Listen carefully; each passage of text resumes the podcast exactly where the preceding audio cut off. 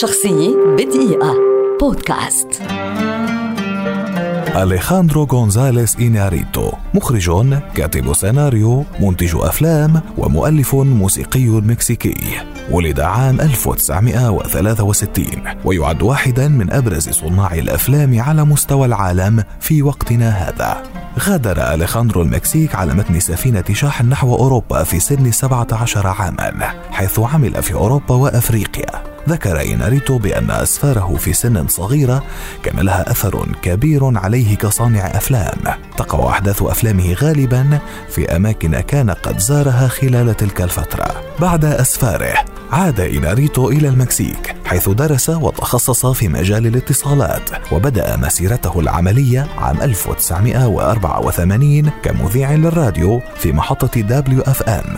وفي 1988 أصبح مديرا لها جاعلا منها الإذاعة الأكثر شعبية في المكسيك. وبين عامي 1987 و 1989 ألف موسيقى تصويرية لستة أفلام مكسيكية. بدأ رحلته مع الإخراج في التسعينات بإخراج الأفلام القصيرة والإعلانات وكان أحدها فيلم Amores Perros والذي كان بداية مرحلة الشهرة والجوائز.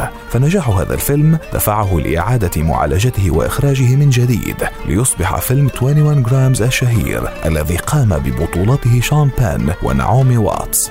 بعد ذلك قام بإنتاج فيلم بابل من بطولة براد بيت والذي حقق نجاحا كبيرا. وحصل على عدة جوائز في مهرجان كان وعلى جائزة الأوسكار لأفضل موسيقى تصويرية. خلال مسيرته ترشح إيناريتو لتسع جوائز أوسكار وفاز بأربع منها وهو أول مخرج يفوز مرتين على التوالي عن فئة أفضل مخرج منذ فوز جوزيف مانكيفيتس في منتصف القرن الماضي وذلك عن فيلمي Birdman عام 2015 و The Revenant عام 2016 يعد أليخاندرو ثاني مخرج مكسيكي يحصل على جائزة الأوسكار لأفضل مخرج بعد ألفونسو كوارون في 2014 وهو أيضا أول مخرج مكسيكي المولد يفوز بجائزة أفضل إخراج في مهرجان كان السينمائي عن فيلم بابل في عام 2006 ويعتبر فيلمه الأخير Birdman من أنجح أفلامه على الإطلاق وأول أفلامه التي ترشحت لتسع جوائز أوسكار. شخصية بدقيقة.